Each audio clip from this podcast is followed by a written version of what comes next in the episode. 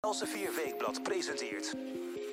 Brusselse bobo's en baantjesjagers. Veel immigratienieuws deze week in de Europese Unie. De komst van bootmigranten uit Afrika, waar de EU al jaren mee worstelt, kan dankzij Oostenrijk, Italië en Hongarije wel eens flink gaan afnemen. Tegelijkertijd neemt het Verenigd Koninkrijk juist maatregelen om de immigratie uit Oost-Europa aan banden te leggen. En de onderhandelingen tussen Londen en Brussel over het handelsverdrag gaan gewoon door. Met een wel heel vreemde eis vanuit Brussel. We gaan het allemaal bespreken in deze nieuwe aflevering van Brusselse Bobo's en Baantjesjagers met onze correspondent Jelte Wiersma in Brussel. Mijn naam is Matthijs van Schie. Goed dat u weer luistert naar een nieuwe podcast van Els 4 Weekblad. Jelte, welkom. Hallo. Maandag 17 februari, je, je hebt er al over geschreven voor uh, de website van Els 4 Weekblad.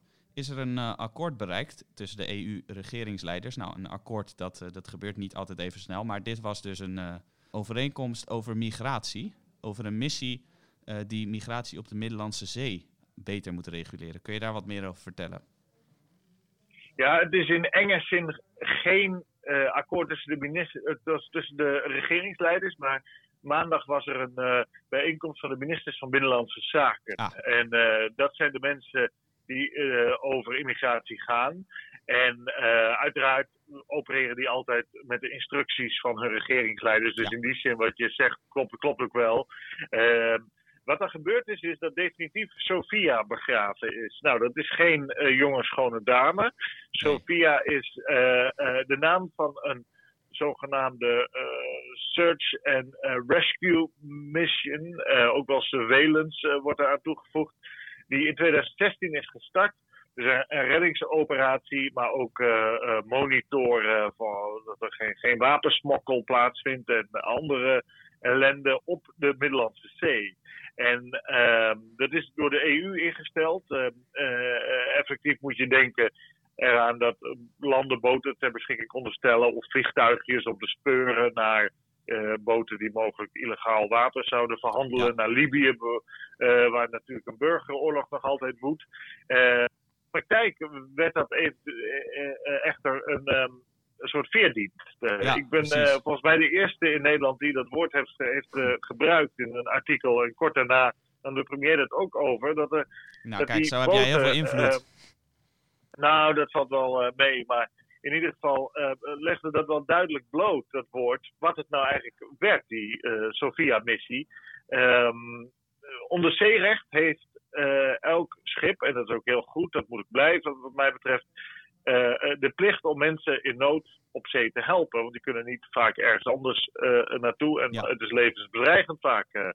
Dus dat wisten de mensensmokkelaars, de, de, de Italiaanse maffia, de Libische maffia, IS bijvoorbeeld, die daar actief is in de mensensmokkel om geld te verdienen om bomaanslagen te plegen in Europa en de oorlog te voeren in Afrika en het Midden-Oosten. Ja, in Libië Die, dus ook. die, die, en inclusief Libië.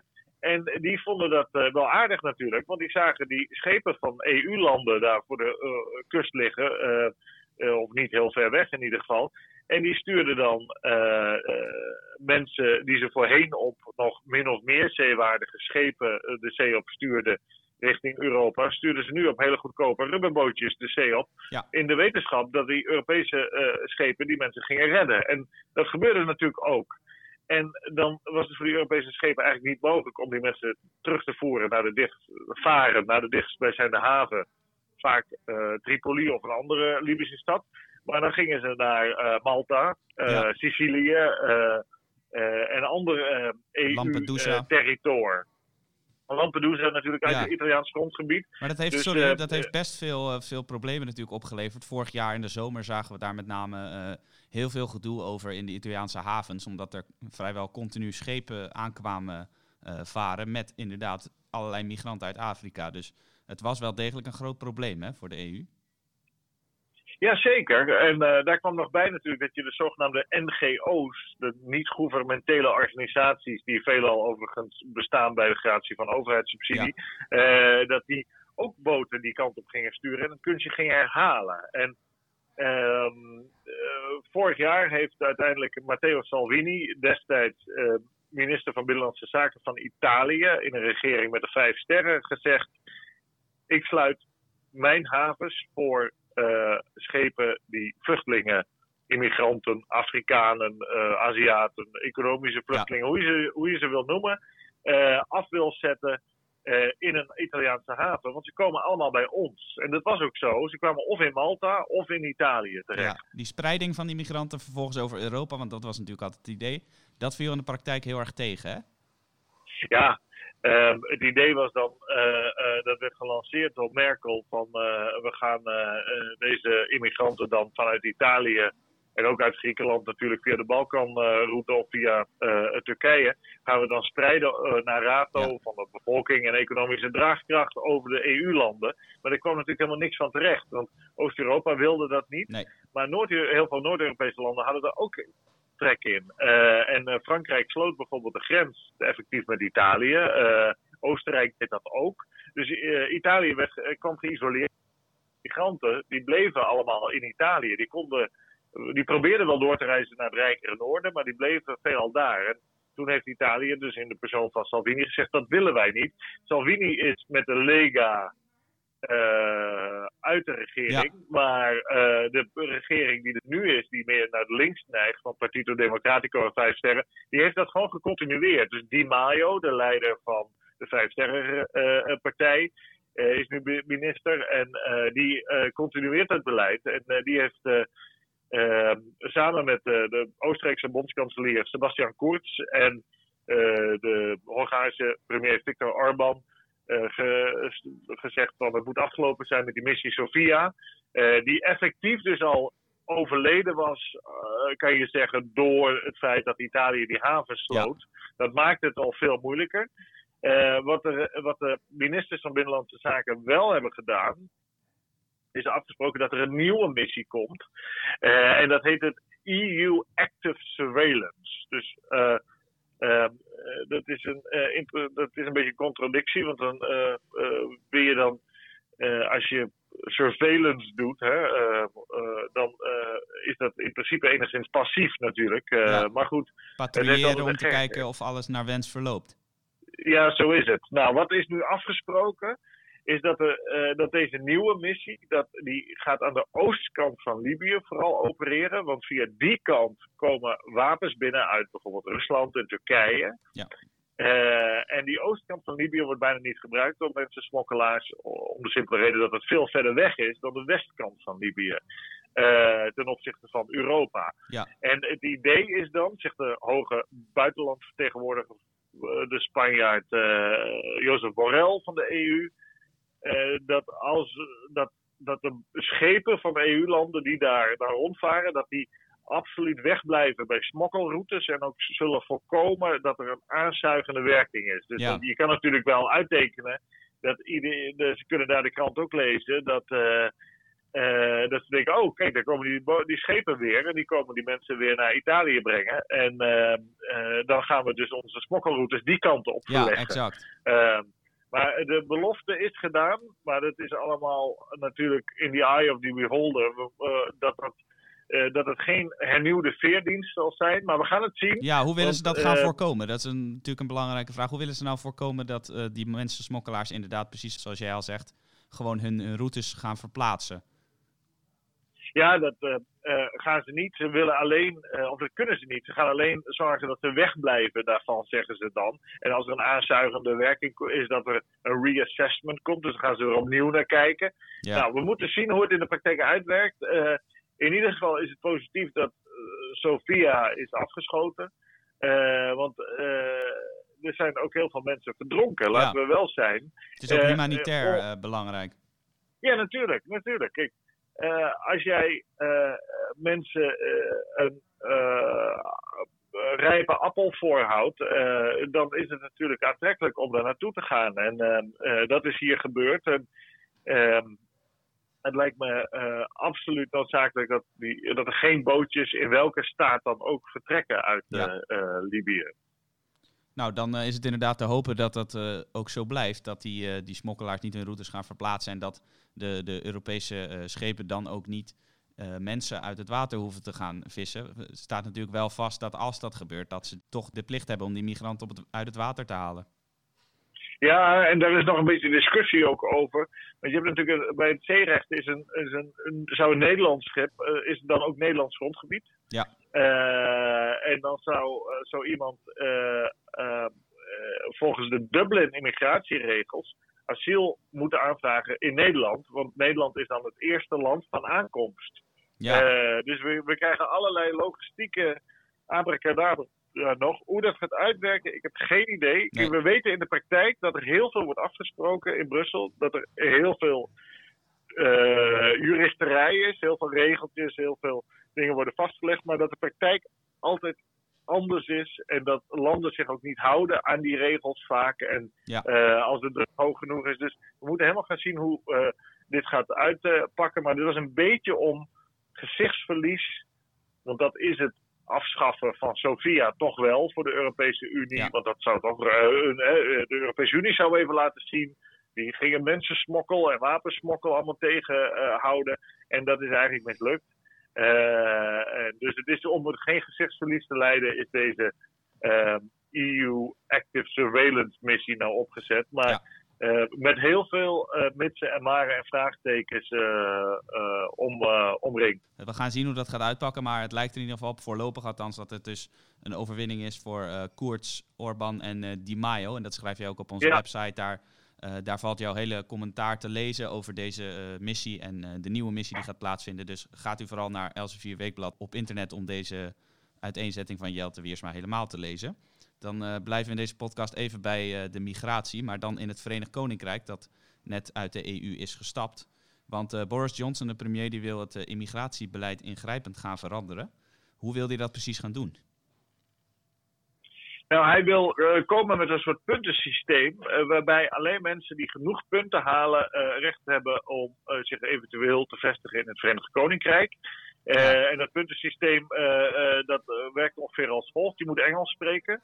Je moet minimaal meer dan zo'n 30.000 euro omgerekend per jaar verdienen. En je moet dus een baan hebben al voordat je daar komt. En iedereen kan daar op inschrijven uit de hele wereld. Dus dat is niet meer een, een, voorkeursbehandeling voor de EU. En zijn, zijn doel is tweeledig. Enerzijds ehm, immigratie verminderen. Anderzijds alleen maar talentvolle immigranten aantrekken. En niet een extra onderklasse importeren, zoals erg veel gebeurd is in het Verenigd Koninkrijk, door het simpele feit dat zij als enige en als eerste in 2004, toen de tien Oost-Europese landen bij de Europese Unie kwamen, de grens hebben geopend voor die mensen, waardoor zij allemaal zich mochten vestigen in het Verenigd Koninkrijk en daar mochten werken. En dat hebben de andere landen hebben allemaal de zeven jaar uitsteltermijn uh, gebruikt, ook Nederland. En het gevolg is dat er dus uh, massale immigratie vanuit Oost-Europa naar uh, het Verenigd Koninkrijk ja. heeft plaatsgevonden. En um, je ziet dat heeft enorme effecten op openbaar vervoer, treinen zijn vol, snelwegen zijn vol, ziekenhuizen zijn vol, scholen hebben wachtlijsten. Uh, er zijn tekorten aan huizen. De huizenprijzen blijven maar stijgen. Er zijn bijna niet meer te betalen uh, voor vele mensen. maar het belangrijkste is de arbeidsproductiviteit ja. misschien wel. Al die, die problemen die, je, die jij net opnoemt, hè, van overvolle wegen, treinen, onderwijs, uh, wachtlijsten in de zorg, huizenmarkt. Dat zijn ook allemaal problemen die, die in Nederland natuurlijk spelen. En nou zou natuurlijk de, de EU-criticus, uh, van wie ongetwijfeld een aantal uh, naar deze podcast zullen luisteren, die zullen zeggen: kijk, het Verenigd Koninkrijk is uit de Europese Unie vertrokken. Dus, en die kunnen nu een eigen immigratiebeleid bepalen. Dat zou Nederland ook moeten doen. Maar je kunt tegelijkertijd zeggen, denk ik dan, ehm, het Verenigd Koninkrijk zat helemaal niet in het Schengen-systeem. Dus waarom was het dan per se nodig om uit de EU te gaan voordat ze deze maatregelen konden nemen? Nee, maar Schengen is iets anders dan de interne markt. Ja. Uh, het Verenigd Koninkrijk zit in de interne markt en je hebt de zogenaamde Four Freedoms. dat is afgeleid van Franklin D. Roosevelt, hè, de beroemde Amerikaanse president aan wie wij onze vrijheid mede te danken hebben. Ja. Ehm, en die Four Freedoms houden dus in dat je je vrij, vrij kan reizen door de Europese Unie, vrij kan vestigen. En, en um, dat heeft niks met Schengen te maken. Oh, okay. uh, Schengen gaat om grenscontroles. Ja. Dus dat gaat om grenscontroles. Maar je mag je vrij vestigen in het Verenigd Koninkrijk. Het enige, om, omdat ze niet aan Schengen meededen, werd je altijd gecontroleerd aan de grens van Precies, je mocht Koninkrijk. Maar als je, als je je Poolse paspoort liet zien, of je Nederlandse paspoort of Griekse paspoort, dan mag je naar binnen. Ja. Eh, ongelimiteerd mag je daar dan blijven. Eh, terwijl als jij je Chinese paspoort zou laten zien, dan zeggen ze, heeft u wel een visum? Eh, dus dat, maar dat is echt iets anders. ja, nee, dat is Eh, goed dus- om even helder eh, te hebben. ja. Ja, Ja, nee, dat is ingewikkeld, maar dat, dat is eh, vaak verwarrend. Eh, maar het is zo belangrijk, daarom wilde ik het heel graag hierover hebben, voor Nederland. Ja. Want eh, met het Verenigd Koninkrijk, die dus zegt van, hé, hey, wij gaan eh, alleen nog maar talentvolle mensen, of bovengemiddeld talentvolle mensen binnenhalen. En wij willen niet onze eh, lagere klasse eh, gaan uitbreiden met, met, met veel hand, handarbeiders. Nee. Want dat heeft allerlei negatieve effecten. Ja. Nederland is het nieuwe Verenigd Koninkrijk, moet je een beetje zien. Binnen de Europese Unie. Dat komt omdat de economie gaat goed. Er wordt veelal Engels gesproken door, door Nederlanders. Eh, dus het is een eh, je kan makkelijk een eigen bedrijfje ook opzetten. Je kan makkelijk aan het werk hier. Eh, dus wij zien ook die immigratiecijfers, die Ja. naar het Verenigd Koninkrijk al aan het dalen waren na Brexit, als, als opmaat na die Brexit, zie je de immigratiecijfers in Nederland juist omhoog gaan. ja record en, na record eh, wordt er gebroken, hè, wat betreft Voilà, migratiesaldo. we zitten elk jaar nu boven de 100.000. Ja. Het gros is Euro- Oost-Europa. hè. Eh, dat is heel belangrijk om te weten. Dus dat is Europese immigratie. Dat zijn geen Afrikanen of Aziaten, dat is Ja. Europa. Eh veelal Oost-Europa. En wat zien we ook, en dat zegt Johnson dus ook, die zegt onze arbeidsproductiviteit gaat niet omhoog. En Ja. waarom is dat? En dat is heel belangrijk. Als je kijkt naar de arbeidsproductiviteitscijfers van Nederland, dan heb je in 19, tussen 1998 en 2008 is dat 20% gegroeid. Komt de digitalisering, automatisering enzovoort. Ja. Dus machines eh, koop je. eh, en door die machine wordt die persoon die dat bedient, wordt, eh, hier zou ik zeggen, rendabeler. Hè? Die produceert meer, productiever. En die verdient daardoor ook meer Ja. geld. Gaat Dus sneller. dat heeft twee, twee goede kanten. Dus je kan met, met hetzelfde eh, eh, aantal mensen meer produceren, meer geld verdienen. Ja. Ehm, eh, je kan ook zeggen natuurlijk, ik ga iets minder werken, maar dat moet je zelf weten.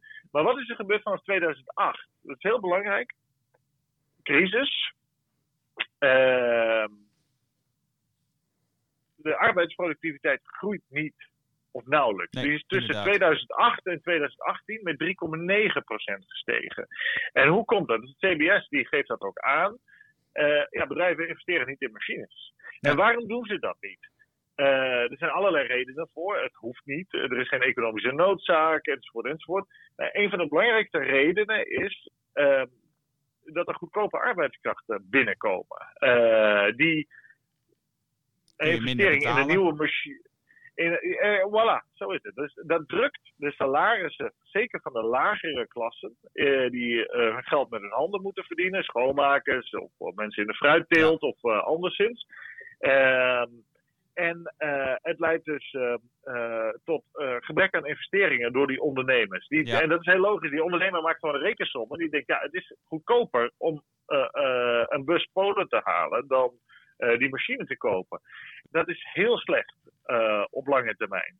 waarom? Want die mensen die komen hier, maar ja, die nemen ook ruimte, die willen ook een huis. Nou, dat is al heel duur, dus dat is allemaal inefficiënt om dat hier te gaan doen. Die nemen weer plek in treinen in. Dus die pol is misschien voor die ondernemer kortstondig goedkoop.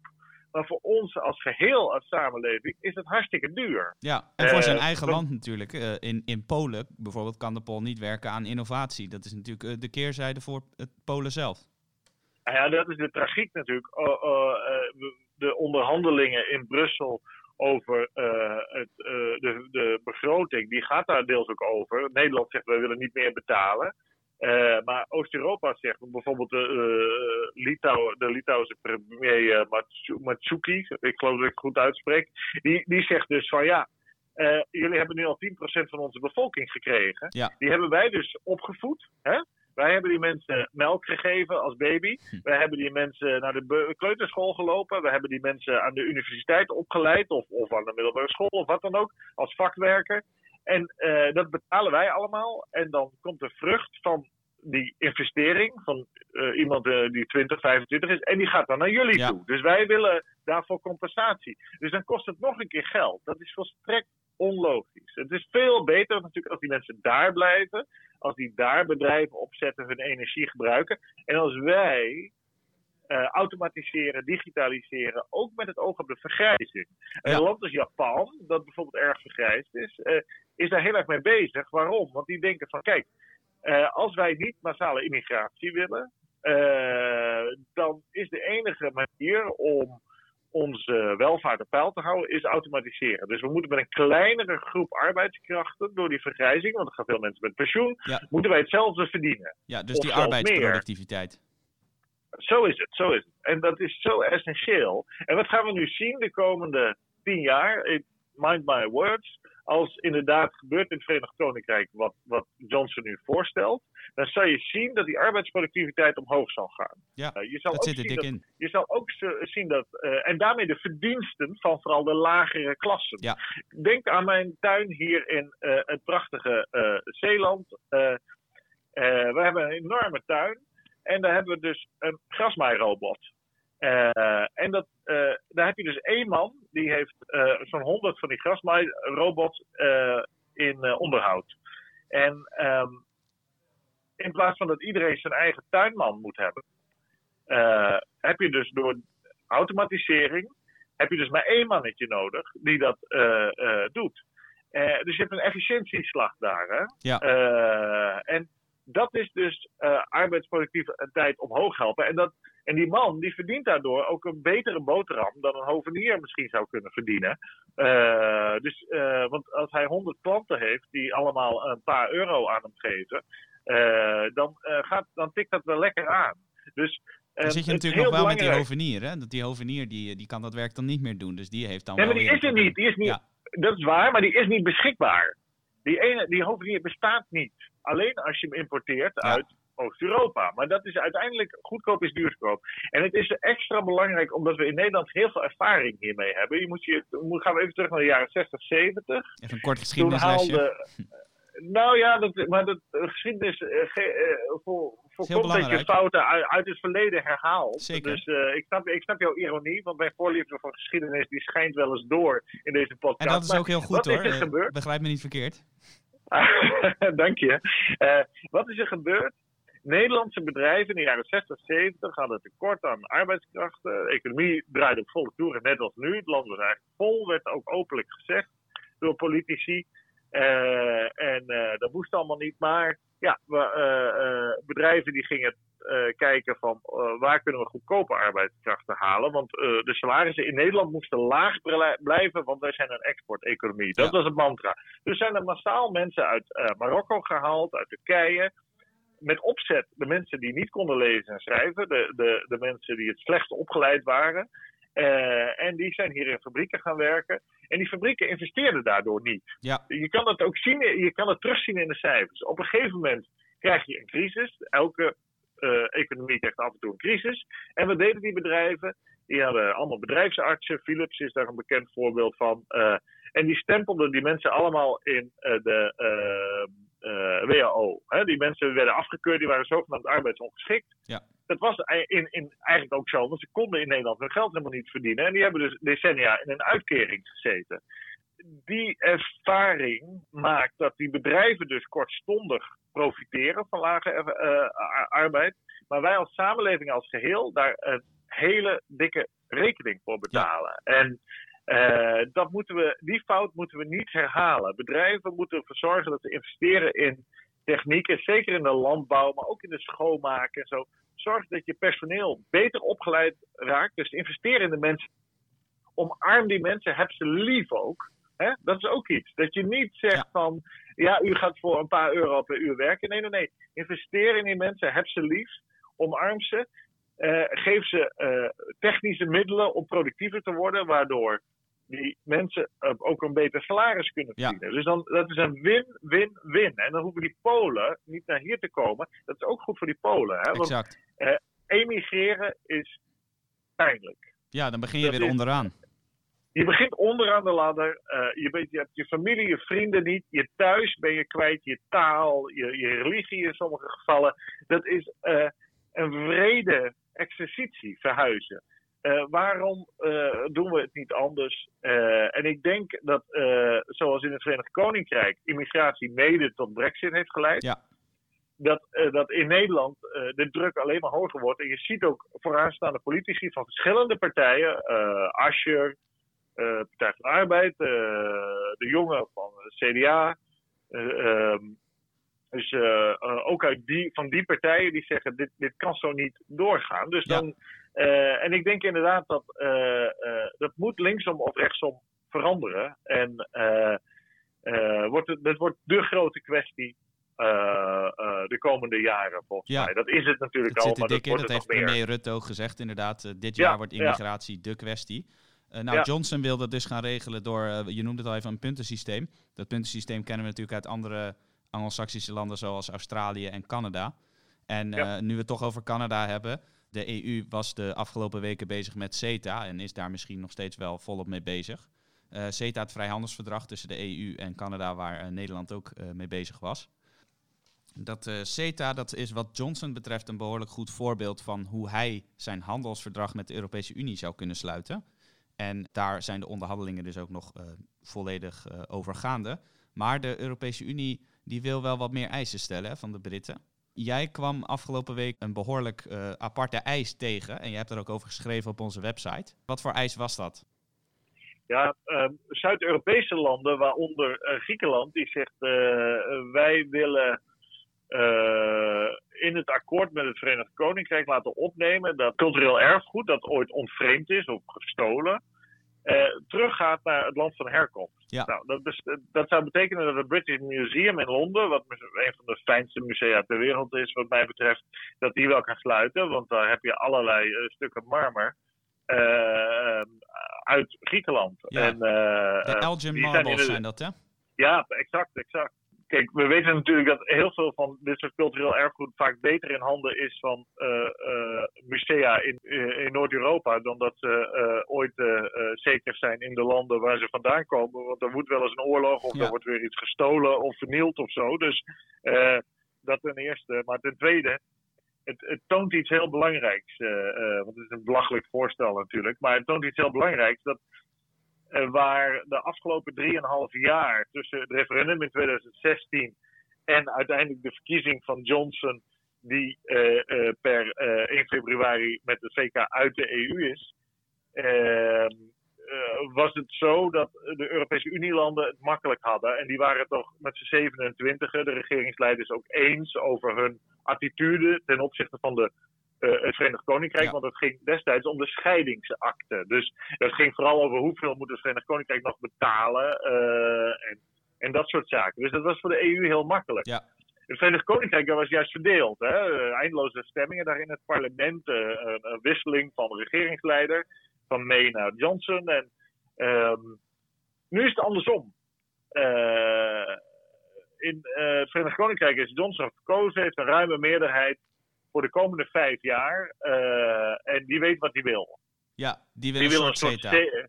Die wil een soort CETA, dat is het vrijhandelsverdrag met Canada, dat al in werking is en waarbij uh, 98% ongeveer van de producten en diensten uh, zonder heffingen heen en weer gaat. Ja. En waarbij landen elkaars, of gebieden zoals de EU, elkaars productstandaarden accepteren. Dus ze hebben niet dezelfde productstandaarden, maar ze accepteren elkaars productstandaarden. Ja. En als er ruzie komt, uh, dan heb je een, uh, een rechtbank. Uh, dus niet het Europees Hof van Justitie, heel belangrijk, want daar willen de Britten niet onder resideren en de Canadezen natuurlijk ook niet. Dan heb je een, een meestal zijn het particuliere gerechtshoven. In de, de CETA-kwestie met Canada is het een statelijk gerechtshof, maar het doet eigenlijk hetzelfde. Uh, dat is een arbitrage uh, waarbij uh, als er ruzie is, dan kan natuurlijk dat, dat hij als scheidsrechter ja. optreedt. Nou, wat, um, wat gaat er volgens mij gebeuren? Dat de Johnson wil graag zo'n CETA-verdrag met het Verenigd Koninkrijk. Nou, dat lijkt mij vanuit het EU-perspectief ook heel aantrekkelijk. Want de EU verkoopt veel meer aan het Verenigd Koninkrijk ja. dan het Verenigd Koninkrijk aan de EU verkoopt. Dus wij hebben er nogal belang bij, volgens mij, om uh, de uh, handel op het Verenigd Koninkrijk zoveel mogelijk door te laten gaan. zeker een land als Nederland, waar wij halen zo'n 10 miljard plus in de handel met het Verenigd Koninkrijk. Dat is toch een lekker bedrag, zou ik zeggen. zeker als het Verenigd Koninkrijk zo hard groeit economisch als het nu groeit, want het is een, een van de best presterende economieën in de westerse wereld, dan blijft dat natuurlijk een, een formidabele koopkracht houden. Uh, en uh, wij willen onze producten daar, wat mij betreft, wel uh, aan verkopen. zeker onze boeren en tuinders, die alle fruit en, en bacon enzovoort. als je English breakfast eet in Engeland, hm. dan, komt de helft of, of driekwart van de producten uit Nederland. Hè? Dus ja. dat willen we toch wel zo houden, lijkt nou, mij. alle reden dus voor, een, voor een, inderdaad een handelsverdrag dat, dat snel geregeld wordt en veel handel stimuleert, zou je zeggen. Maar zo simpel ligt het dus niet. Nee, nee, ik denk dat het heel moeilijk wordt. Uh, om twee redenen. Eén, dus met Canada, het CETA-verdrag met Canada, een van de beschaafdste landen ter wereld. Daar uh, zegt zelfs een land zoals Nederland: van we gaan dat verdrag, dat dus al in werking is, misschien niet ratificeren. Even terug, de Tweede Kamer heeft het geratificeerd met een kleine meerderheid, of kleine meerderheid was voor. Uh, de Eerste Kamer, er is mogelijk geen meerderheid voor. En dan gaat uh, Nederland uh, dus in Brussel moeten zeggen: ja, wij gaan dat verdrag niet ratificeren. er zijn ook andere nationale parlementen die zich uh, hierover uitspreken. En die mogelijk ook gaan zeggen: van wij willen dit niet. ja, dat, dan wordt zoals dat zo mooi in het Engels wordt genoemd, uncharted waters wordt bereikt. Dus eh, eh, wateren die eh, niet bekend zijn. En dan gaan we kijken of, of ze eruit komen. Maar ja, als CETA niet de CETA-deal niet gemaakt kan worden, dan kan je met geen enkel land of meer een vrijhandelsdeal maken. En terwijl het zo nodig is, juist heden ten dagen, om een deal te maken met bijvoorbeeld de Verenigde Staten of met andere westerse landen.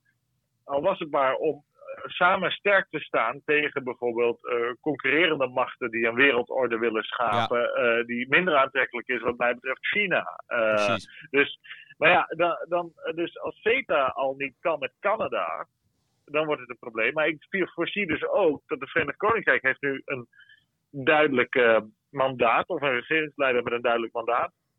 De Europese Unie-leiders, de 27, ja, die gaan allerlei verschillende eisen straks stellen aan dat verdrag met, met het Verenigd Koninkrijk. En Johnson wil dus een CETA-achtig verdrag.